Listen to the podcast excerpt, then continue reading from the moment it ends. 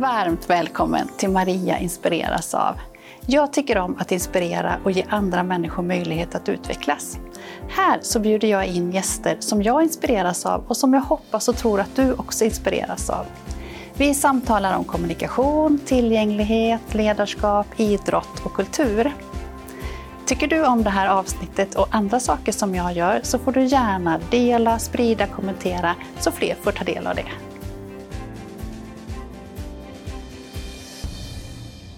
Hej och eh, varmt välkommen till det här avsnittet. Nu sitter vi på ett hotell i Stockholm och jag får äntligen träffa Negar Botagi. Mm, varmt välkommen hit! Tack snälla! Tack för att jag fick komma. Ja, tack. Det är så roligt. Och för er då som eh, är lite nyfikna på varför jag gör det här så är det så att jag träffade Negar för eh, ja, men ett halvår sedan ungefär tror jag det är. Mm. Ja, på en utbildning kring presentationsteknik. När vi var hos Elaine mm. Eksvärd. Mm. Just det.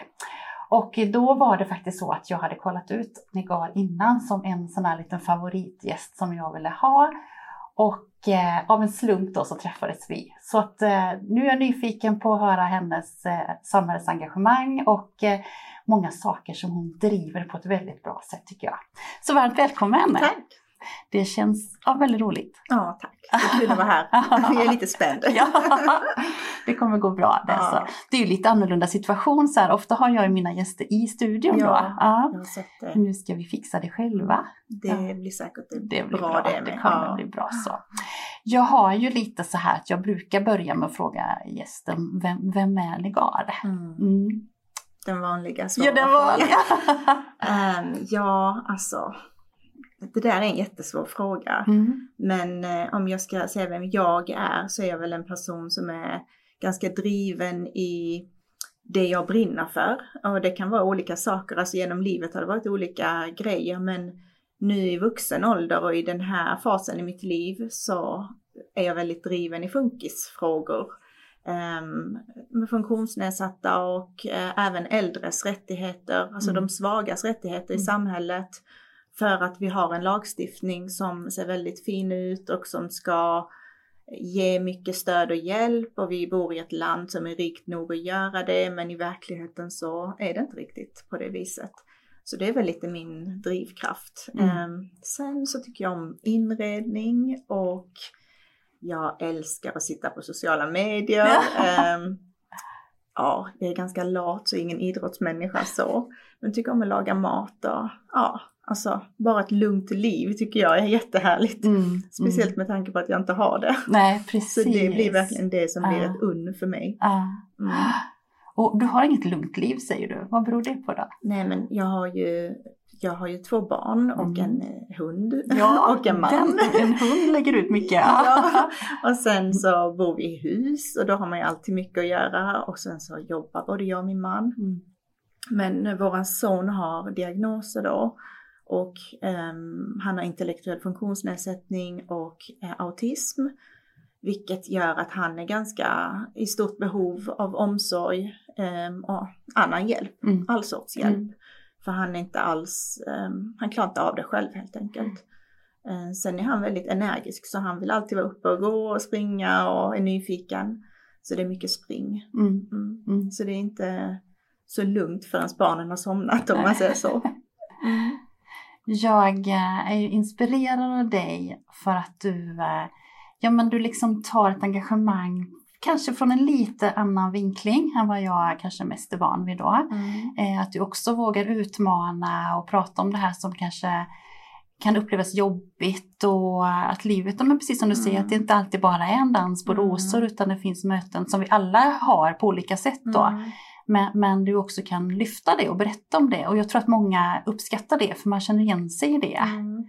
Är det något medvetet val du har gjort där? Alltså ja, jag är ju ganska rak och tydlig i min kommunikation. Mm. Ehm, och det kanske inte alltid uppskattas men jag känner att när jag, när jag fick ett barn med diagnos så var jag väldigt ensam. Ingen i min omgivning hade det. Och då var inte jag aktiv på sociala medier. Nej. Så jag var väldigt ensam i ah det nya livet. Mm. Um, trots att jag hade haft jättemånga omkring mig som hade fått barn i samma veva. Mm. så kände jag mig nästan ensammare för att jag också hade fått ett barn som Mm. inte alls följde någon norm. Ehm, och sen så började jag hitta sociala medier och sen så började jag hitta andra föräldrar som har barn med diagnos och började känna lite i början så här samhörighet. Men sen omvandlades det ganska snabbt till att jag fick jättemycket ångest för Mm. jag såg att många skrev att de var väldigt nöjda. Alltså om inte vi hade fått det här barnet så hade vi aldrig kommit till den här, det här livet och jag skulle aldrig byta ut mitt barns diagnoser och det kändes som att alla tyckte att det var frid och fröjd och det var nästan lite kul och jag fick en dikt av habiliteringen. Bara, ja, det kanske var dina förväntningar som var fel och nu är detta den nya verkligheten och det handlar om acceptans. Och jag minns att jag nästan blev provocerad av Ja, det mm. och ledsen och Mm. kände mig väl ännu ensammare Mm. för att då kände jag inte ens i min egen grupp um, hittade jag någon samhörighet. Är det fel på mig? Är det jag som inte har rätt känslor? Alltså mammakänslor som jag borde ha?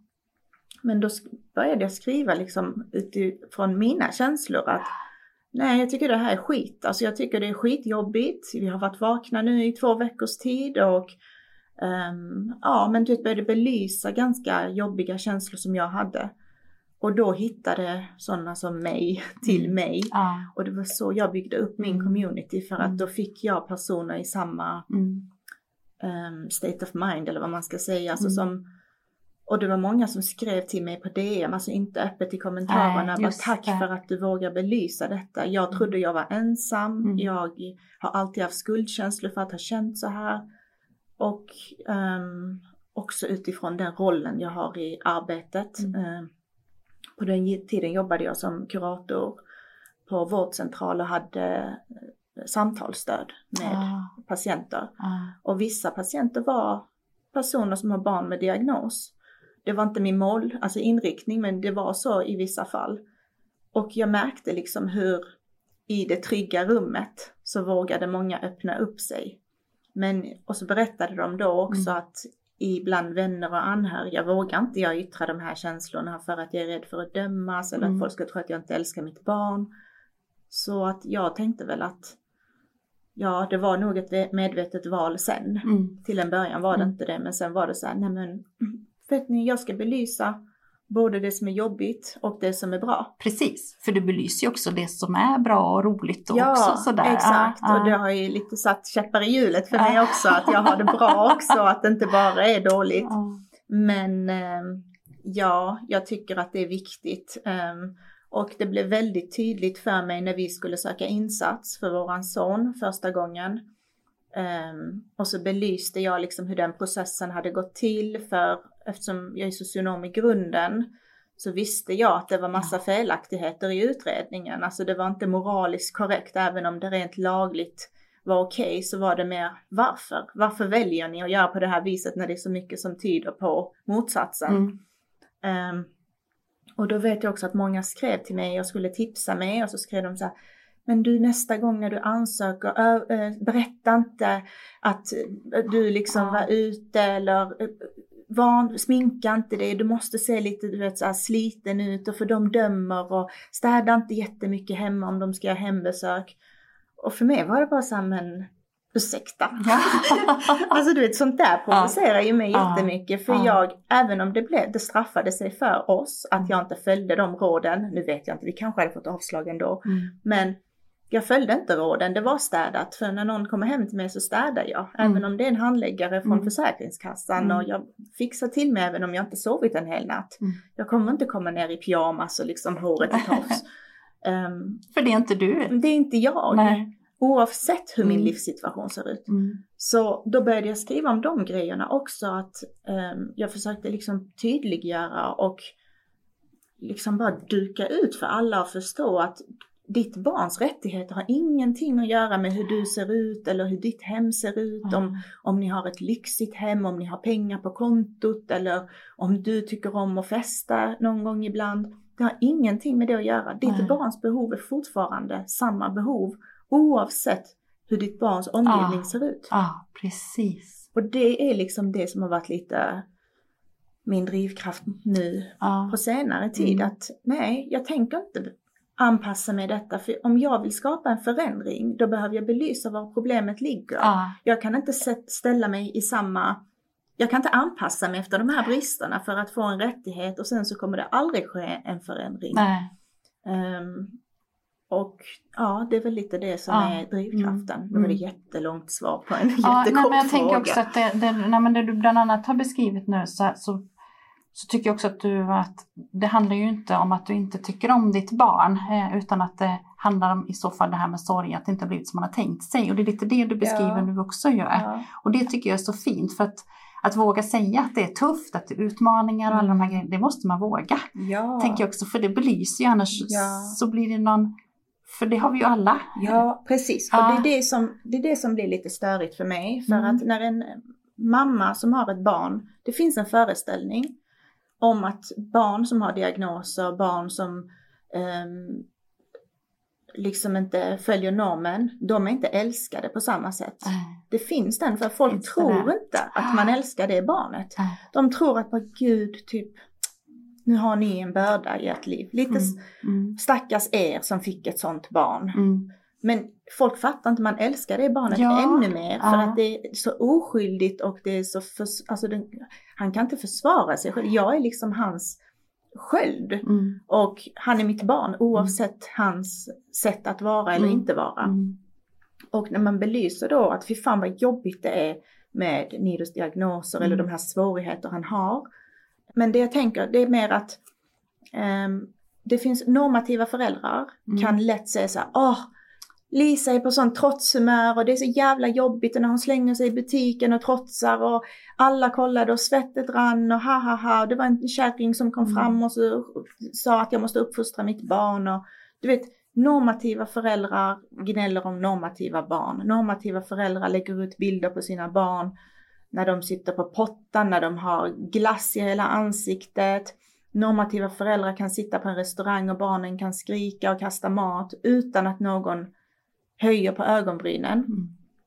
Men så fort ett icke-normativt barn eller en förälder till ett icke-normativt barn ehm, skriver eller tycker eller känner på samma vis eller gör på samma vis, visar bild på barnet på sina sociala medier, då helt plötsligt är det jättefel. Mm. För att de ska inte synas, man ska gömma de här barnen, man ska inte visa dem, det är ingenting att skylta med. Ehm, så jag, det jag tänker är att om jag jämför ett litet barn som har glass i hela ansiktet med ett barn som inte kan kontrollera eh, munnen Ja. och det rinner Ja. liksom saliv. Hur en sån förälder kan få kommentarer av att jag är väldigt obekväm med att se bilder. När du lägger ut sådana bilder som hänger ut ditt barn. Ja. Man hänger inte ut sitt barn, Nej. det är mitt barn Ja. i hans sätt att vara. Ja. Mitt barn har blöja. En period hade Nido kala fläckar i huvudet för att han självskadade. Och det var många som skrev bara, jag blir väldigt obekväm att du lägger ut bilder på Nido när man ser hans fläckar. Och för mig var det, men alltså det, det, det är så han ser ut. Det är mitt barn. Han, han får se ut att vara exakt Alltså förstår du? Ja, jag hänger ju inte ut honom genom att bara visa Nej, honom nej. i den Nej. så som han är. Ja. Självklart inte om han gråter eller Mm. du vet är i en situation som inte är okej. Nej. Men jag tycker bara att den här jämförelsen Mm. att folk behöver reflektera över Ja. varför man är mer Mm. accepterande mot Mm. normativa och mot icke-normativa och att det har med föreställningen att göra att de här barnen faktiskt inte är älskade och föräldrarna känner på samma vis. Ja. För många gånger kan folk prata med mig som att jag tycker som dem om Nido. Ja. Vi hade någon barnvakt en gång som när vi, hon skulle lämna över så sa hon att alltså han var skitjobbig idag. Alltså du vet, alltså han bara, du, ja han var jättejobbig, han bara gnällde och var jättetrotsig. Och, och hon trodde liksom jag skulle bara, ja jag vet precis. Ja. Alltså för mig blir det Ja. så här, du det är mitt barn du Ja. pratar med, du ska inte, vadå han var? Och Ja. du vet, Mm. det var att prata över huvudet Ah. på honom. Mm. Som att han bara var ett objekt att passa Mm. och inte faktiskt mitt barn. Ehm, och det är många situationer som man Mm. hamnar i där man känner av den tanken hos personer liksom. Mm. Mm. När man får frågor som, bor han fortfarande hemma? Och fy fan vad jobbigt för er. Eller, ja skönt att jag har friska barn. Alltså, du Mm. vet, lite Mm. som att, ja, Nu är du inne på dem, lite det här med kommentarer mm. och eh, det som du också fick i sociala medier då för, många år sedan. Mm. Eh, och det var egentligen så jag började liksom få nys om dig. Eh, och det var ett konto som hette Sa du precis. Mm. Kan du berätta lite om det? Vad det är för någonting? Ja, alltså det är ett konto där vi... Ett Instagramkonto ska ja, vi säga. Ja, ett Instagramkonto. Ah. Där jag belyser, det är precis vad namnet säger, sa du precis. Det är ah. den här initiala chocken man får när någon säger en dum kommentar. Ah. Um, där, jag, där folk skickar in kommentarer som de har fått mm. kring funkofobiska uttalanden. Mm. Om de har bevittnat det eller själva liksom ibland är det folk som själva har sagt det faktiskt, som har skrivit in. Mm. Eh, och så lägger jag ut det för att folk ska se att i vårt samhälle så finns det väldigt många som uttrycker sig väldigt fel. Och det hela började ju med att jag själv hade fått ganska många. Ja, det var så det började? Ja, exakt. Jag hade själv mm. fått ganska många sådana kommentarer och kände att om jag har fått så har väl säkert andra också fått. Så först, de första inläggen var ju min och en väns eh, kommentarer som vi hade fått för våra barn. Och sen började det ramla in. Mm. Folk bara, ja men det här är ju mm. som när jag fick höra det här. Mm. Ja, på den vägen är det. Mm. Du har några exempel här, ska vi? Ja. Du kan få, ja.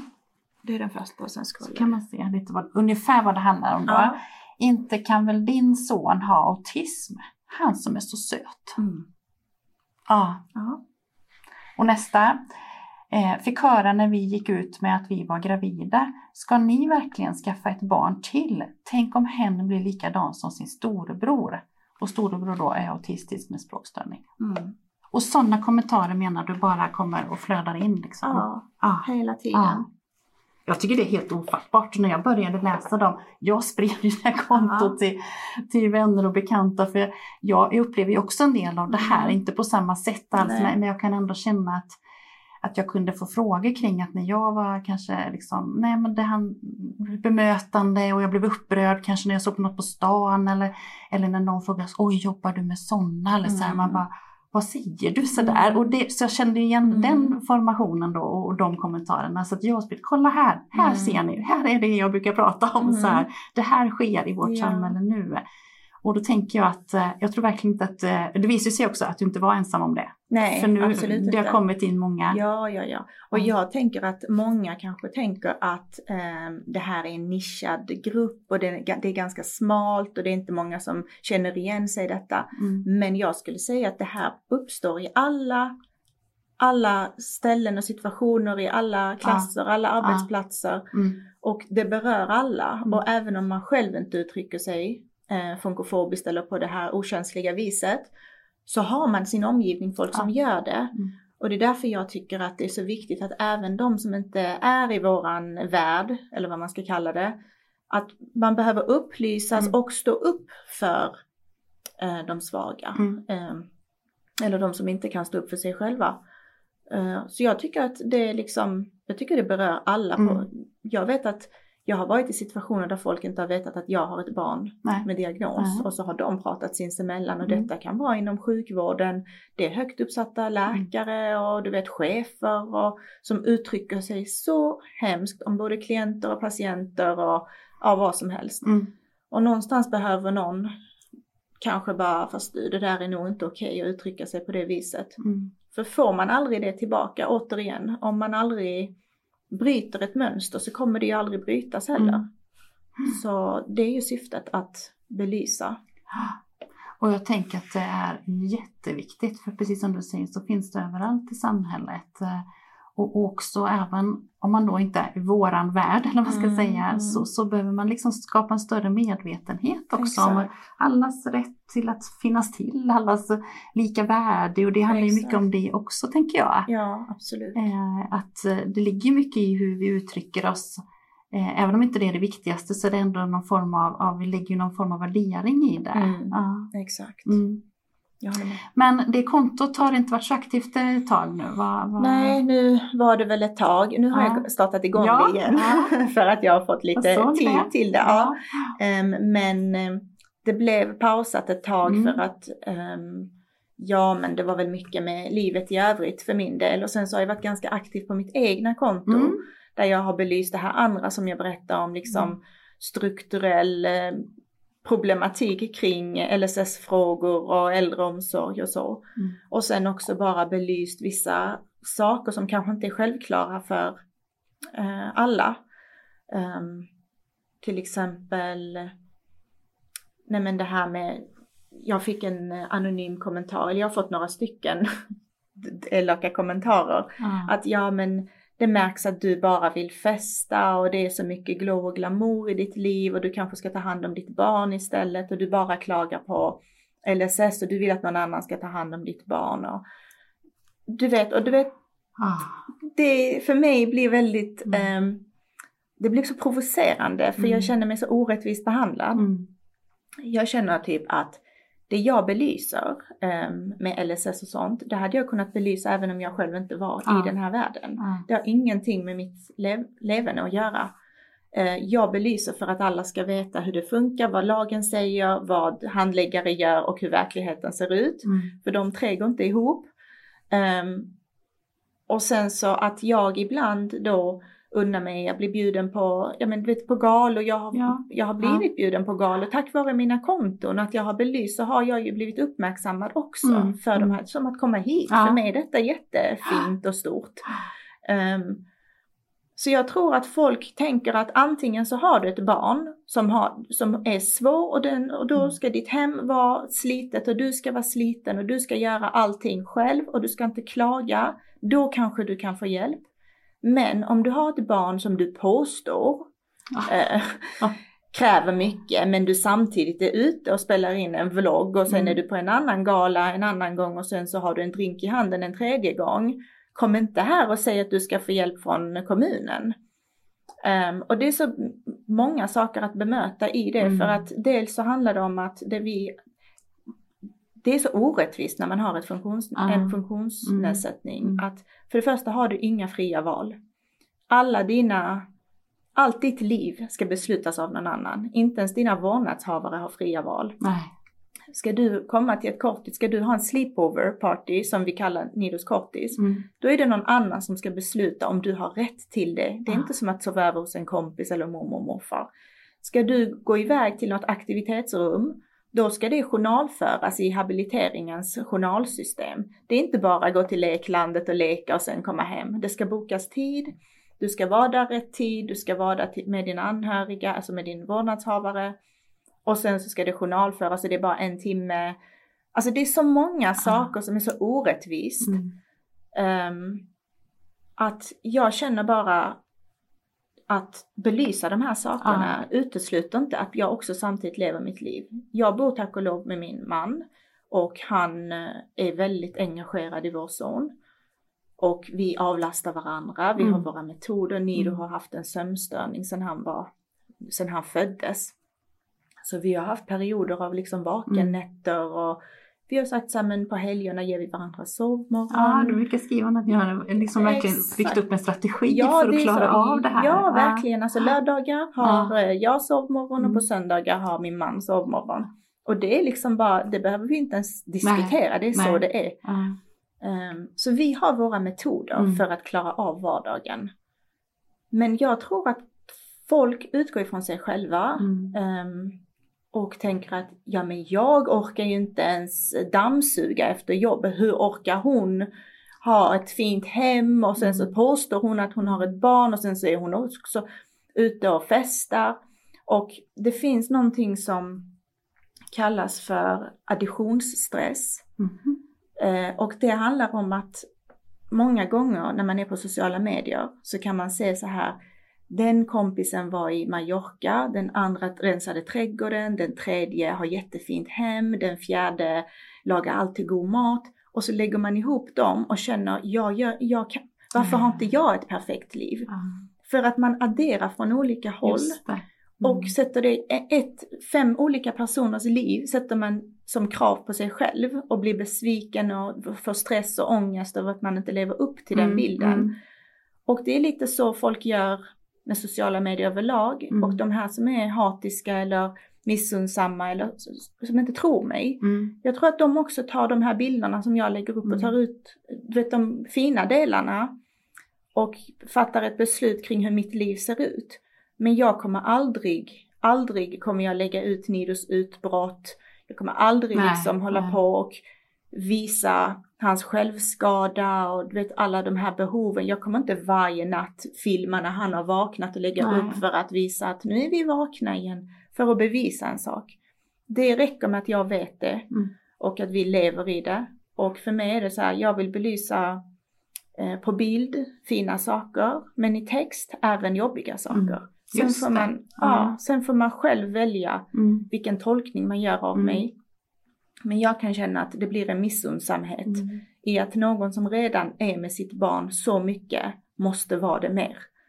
För annars så blir hon inte trodd. Nej. Ehm, och ja, Det är ju eh, alltså, jag vet inte om intressant rätt ord, men jag tänker ändå att det är eh, Ja, det är otroligt viktigt att du belyser det här. För jag tror att det är jättevanligt fast man Mm. inte tänker på det. Och man, jag tror faktiskt att man inte ens tänker på det. Du är så Mm. medveten om vad de beteendena dels gör med dig Mm. men också vad det kan göra med andra. Du har ju liksom Mm. kommit långt där i dina Ja. reflektioner.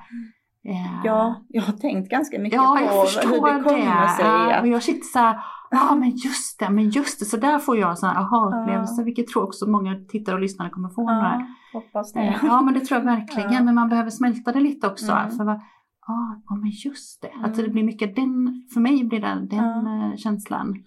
Och sen också det här Mm. med att ehm, jag har också fått så men, men hur kan ni ha så fint eh, hem? För jag, jag älskar inredning som sagt och vi har renoverat vårt hus och när man har ett liv där man inte kan resa lika mycket eller du hittar Ja. på, vi är alltid hemma. Ja, alltså, ja.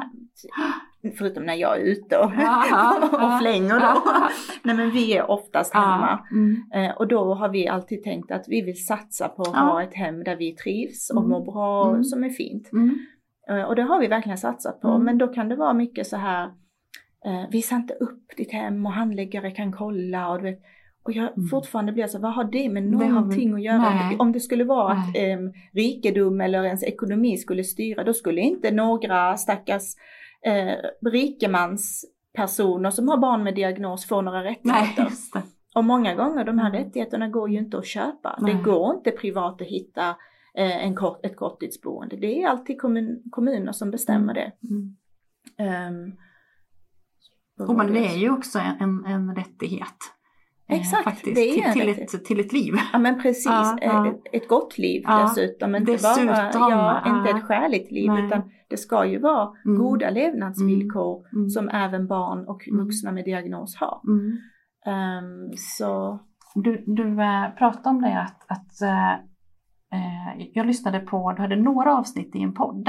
Mm. Ja, vilken där, ja, tänkte du eh, på? på sa du precis. Ja. Eller har du fler poddar? Ja, nej vi behöver inte ta. Nej. där i alla fall lyssnade jag lite grann och då pratade du med din man bland annat. Där. Ja. Ja. Och då sa du att men jag vill ändra samhällets syn på barn med diagnoser innan då din son blir stor. Mm. Och jag tyckte att det var så wow, vilket liksom du har hittat ett syfte. Även om Mm. du säger att det inte bara har med din son att göra hela Mm. det här engagemanget. Men det är någon form att du har, om jag gillar det, att du har liksom en, något, men det här vill jag åstadkomma. Du har någon Mm. tanke med det du gör. Och det märks Ja. med allt du säger här också tycker jag Ja. att det är så. Ja, alltså det Det är, är ett, stort så. mission får man ju säga. Eh, Ja, Ja. absolut. Jag vet men jag inte ens om jag kommer nå dra, mitt mission. nej men man måste ju ändå göra lite grann så Ja. faktiskt. Ja. Alltså jag kommer ju från en kultur där eh, funktionsnedsättning är ju tabu. Ehm, Mm. I mitt hemland så är det ju absolut ingenting man skyltar med om man har ett barn med diagnos. Det Och är ditt liksom hemland där. Iran. Mm. Och det är ofta att barn som Mm. har liksom svåra funktionsnedsättningar hålls hemma, gömda, Ja. många vet Ja. inte liksom om det eller så finns det institutioner. Och jag tror att det hela började väl kanske i min egen eh, omgivning kring den här mentaliteten bland landsmän. Mm. Um, när Nido var jätteliten och du vet, vi misstänkte diagnos och vi visste inte riktigt än men han följde liksom inte normen och så. Och det var väl lite där det grundade sig först men eh, sen så märkte jag att det, det är samma sak här Ja, fast på ett annat sätt. Eh, och såklart att mitt syfte, alltså min drivkraft är ju Nido förstås. Eh, det var ju han som triggade kanske igång de här Trots att jag hade pluggat socionom med inriktning Mm, på mm. äldre och funktionsnedsättning. Mm. Ehm, men det finns ju ett större syfte i det Mm. också. Mm. Och sen så den här citatet då som du tog från eh, podden. Mm. Det grundar sig egentligen i sorg också. Alltså Ja. det är ju en oro inför framtiden. Vad händer när inte Just vi det. finns? Ja. Eh, hur kommer han bli behandlad då? Kommer Mm. folk prata över huvudet på honom? Mm. Kommer folk respektera honom? Och man ser ju redan nu vilka som gör det och vilka som... Det finns ju jättefina, Mm. jättefina verkligen människor där ute som till exempel hans taxichaufför.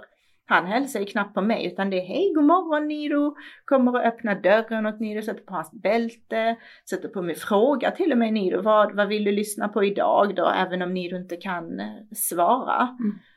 Ehm, och då, det, det Mm. värmer hjärtat och det är så jag vill att det ska vara. Alltså Mm. bara för att en person inte kan kommunicera tillbaka betyder inte det att den inte förtjänar respekt eller Mm. ja, att bli sedd. Verkligen. Mm. Jag har ett avsnitt eh, som jag kommer att tänka på nu med, med Anders eh, som är en, en förälder till eh, också ett barn med funktionsnedsättning då som eh, har flyttat hemifrån. Mm. Eh, som är eh, ja, 25-30 års åldern då och han, han beskriver just det för, för hans son är också att han inte pratar och sådär utan uttrycker sig på andra sätt då. Mm. Eh, och just den oron, alltså också hur samhället tar emot det och Mm. den, att liksom lämna sitt barn som då ska bo någon annanstans Mm. med andra människor runt omkring sig hela tiden Ja. och inte kan säga om någonting är fel Exakt. eller inte känns bra eller vad det nu kan vara. Ja. Sådär. Alltså den, det, ja, det avsnittet också så beskriver just den känslan. Ja. Att hur kan vi bemöta, hur kan vi ändra det och också hur kan jag som förälder vara lugn i det att min son kommer ha det bra på ett annat sätt och bo någon annanstans. Alltså jag känner typ att ehm, när man har ett barn som inte kan uttrycka sig eller förklara eller kanske till och med inte förstår vissa saker. Mm, mm, Att man behöver ha sån tilltro till Ja. samhället som förälder. Ja. Alltså jag måste lita på att Nido mår bra, blir omhändertagen. Jag måste lita på att de ser till att grinden är stängd eller att han får i sig mat eller att hans blöja blir bytt. Och det är jättesvårt för en förälder, för återigen, det är samma mammakänslor Mm. som vem som helst. mm, Att behöva lämna då sitt barn till andra att ta hand om mm, ehm, kräver jättemycket av en. Ehm, och sen då samtidigt parallellt möta de här funkofobiska kommentarerna och de här hatiska föreställningarna och den här bilden folk har av mitt barn. Det blir så här, men gud, hur ska jag hur ska jag liksom våga dö? Alltså fattar Ja, du? Hur ska jag ja. kunna försvinna? ja, Och så ska ni ta hand om mitt barn. mm, Även om det såklart finns fina människor och eldsjälar så finns det också så jäkla många mm, dumma människor. mm, Ehm, och det är väl det som egentligen är bara, Mm. det är det jag menar med att förändra, att försöka i alla fall få folk att fatta att reflektera över din människosyn. Ehm, för jag tror att många, det behöver inte alltid vara funkofobi. Jag tror att många bara har växt upp med en föreställning att, du vet, man har bara pass, det har bara passerat. just det. Just det. Och Jag att man också. kanske behöver aktivt Mm. tänka på Mm, sin människosyn. mm, mm, Och det är det det handlar om. mm. Mm. Du, en eh, utmärkelse som du har fått är årets eh, inspiratörsmamma. Mm. Ja, vad vad 2021? Ja, Ja, vad var det för någonting? alltså jag minns att ehm, mamma skrev till mig en fredag eftermiddag och Aha. sa kan vi ringa dig på måndag? Och jag bara självklart Ja. kan ni det.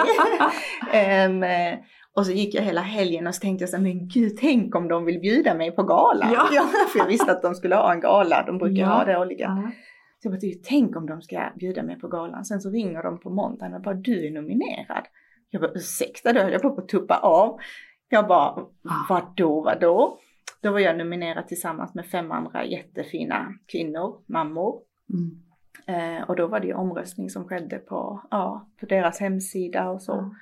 Och sen så satt vi på den här galan då. Ja, och då visste du ingenting? Jag visste ingenting och Nej. jag trodde genuint inte att det skulle vara jag. Nej. Jag var nästan bombsäker på att det var en annan i våran liksom, nomineringsgruppen. Ja, Så jag satt liksom och väntade på att hennes namn skulle ropas och plötsligt sa Emily då som är ehm, Moderator? Ja, ansvarig Ja.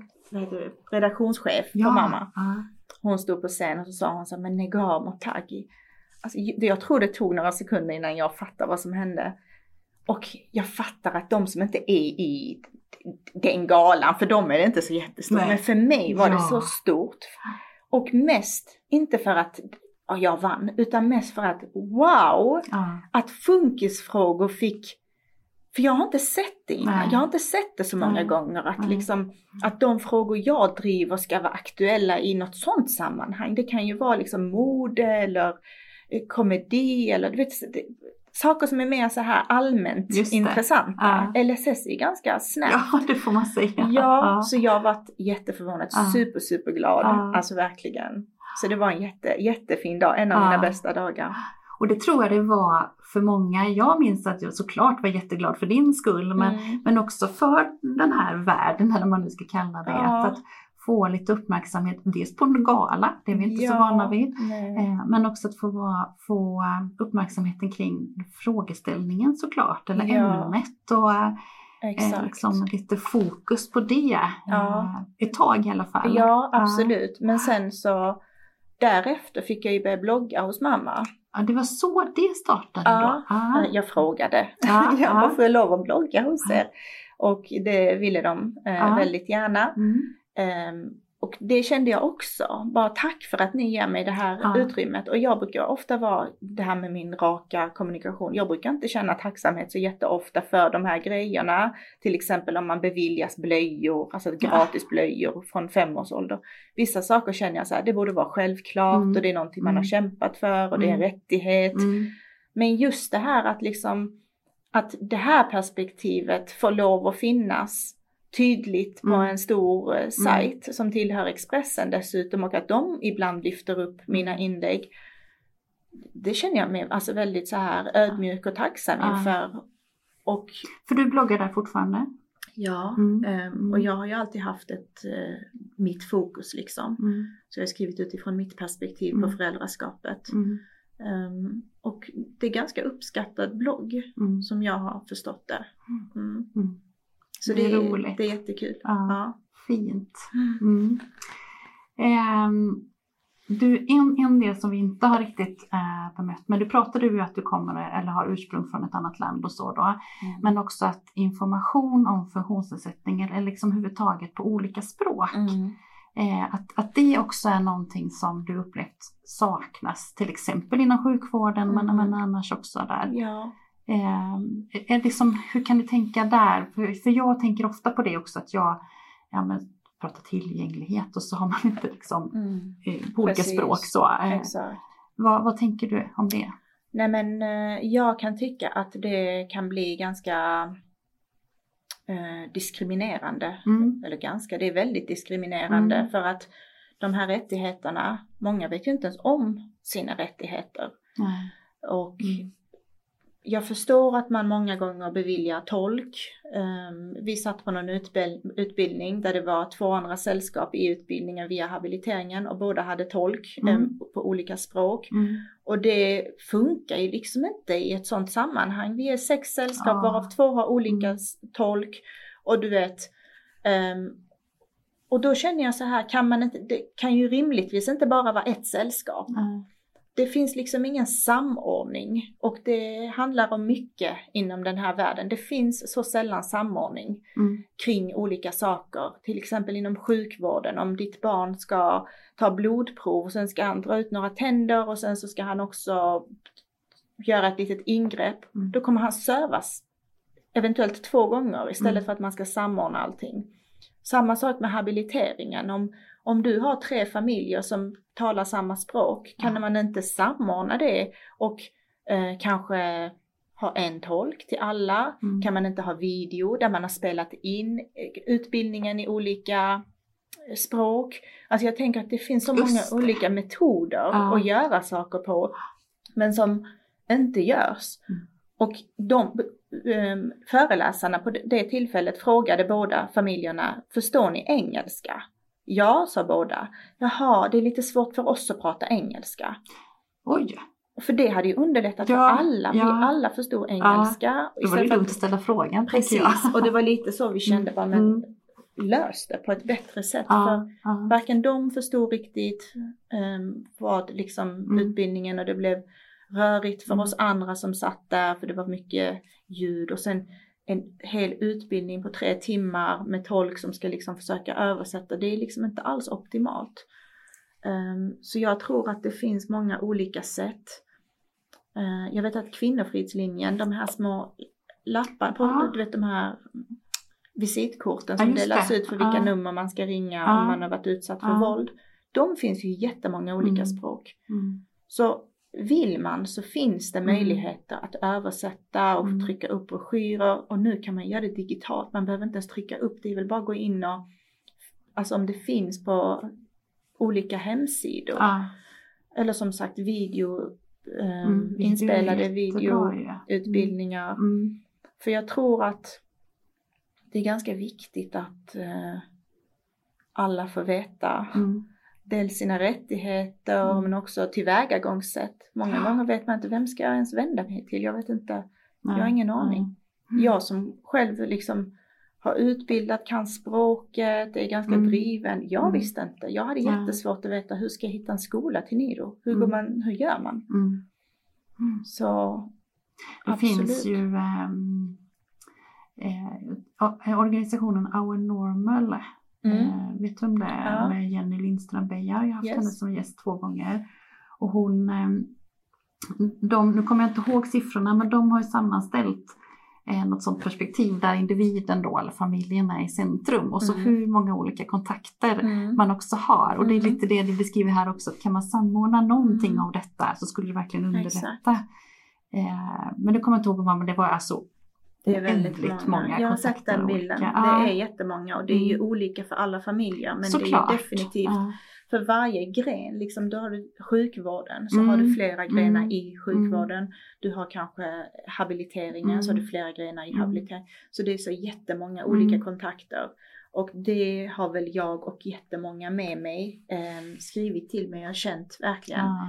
Tänk om man kunde fått en samordnare. Mm. Mm. För det är det som blir Mm. jobbet i Men jag har haft slutändan. ett avsnitt också med NKA. Eh, eh, Mona heter hon som beskriver just det koordinatorstöd. Det fanns Mm. ett projekt som han var, eh, och nu vet jag inte om det var projekt bara då, inte har Ja. blivit till eh, permanent, men, men det, var, det fanns koordinatorstöd i en kommun till exempel som Ja. hjälpte till och hade kontakterna eh, Mm. och hjälpte familjen också att samla ihop kontakterna Just eller kanske det. till och med tog vissa telefonsamtal som Ja. man kunde avlasta lite med eller liksom få ihop det så då. Det, det blev väldigt populärt och, Mm. och väldigt, ja, men föräldrarna uppskattade verkligen det. Ja, Men sen det- vet jag faktiskt inte hur det har gått med det men eh, att behovet finns är ju Mm. inte en fråga utan så är det ju. Mm. Mm. Alltså, Jag skrev ett inlägg på bloggen för inte så länge sedan. Jag skrev att jag är en dålig mamma men jag är en bra assistent. Ja. Och det känns verkligen så här.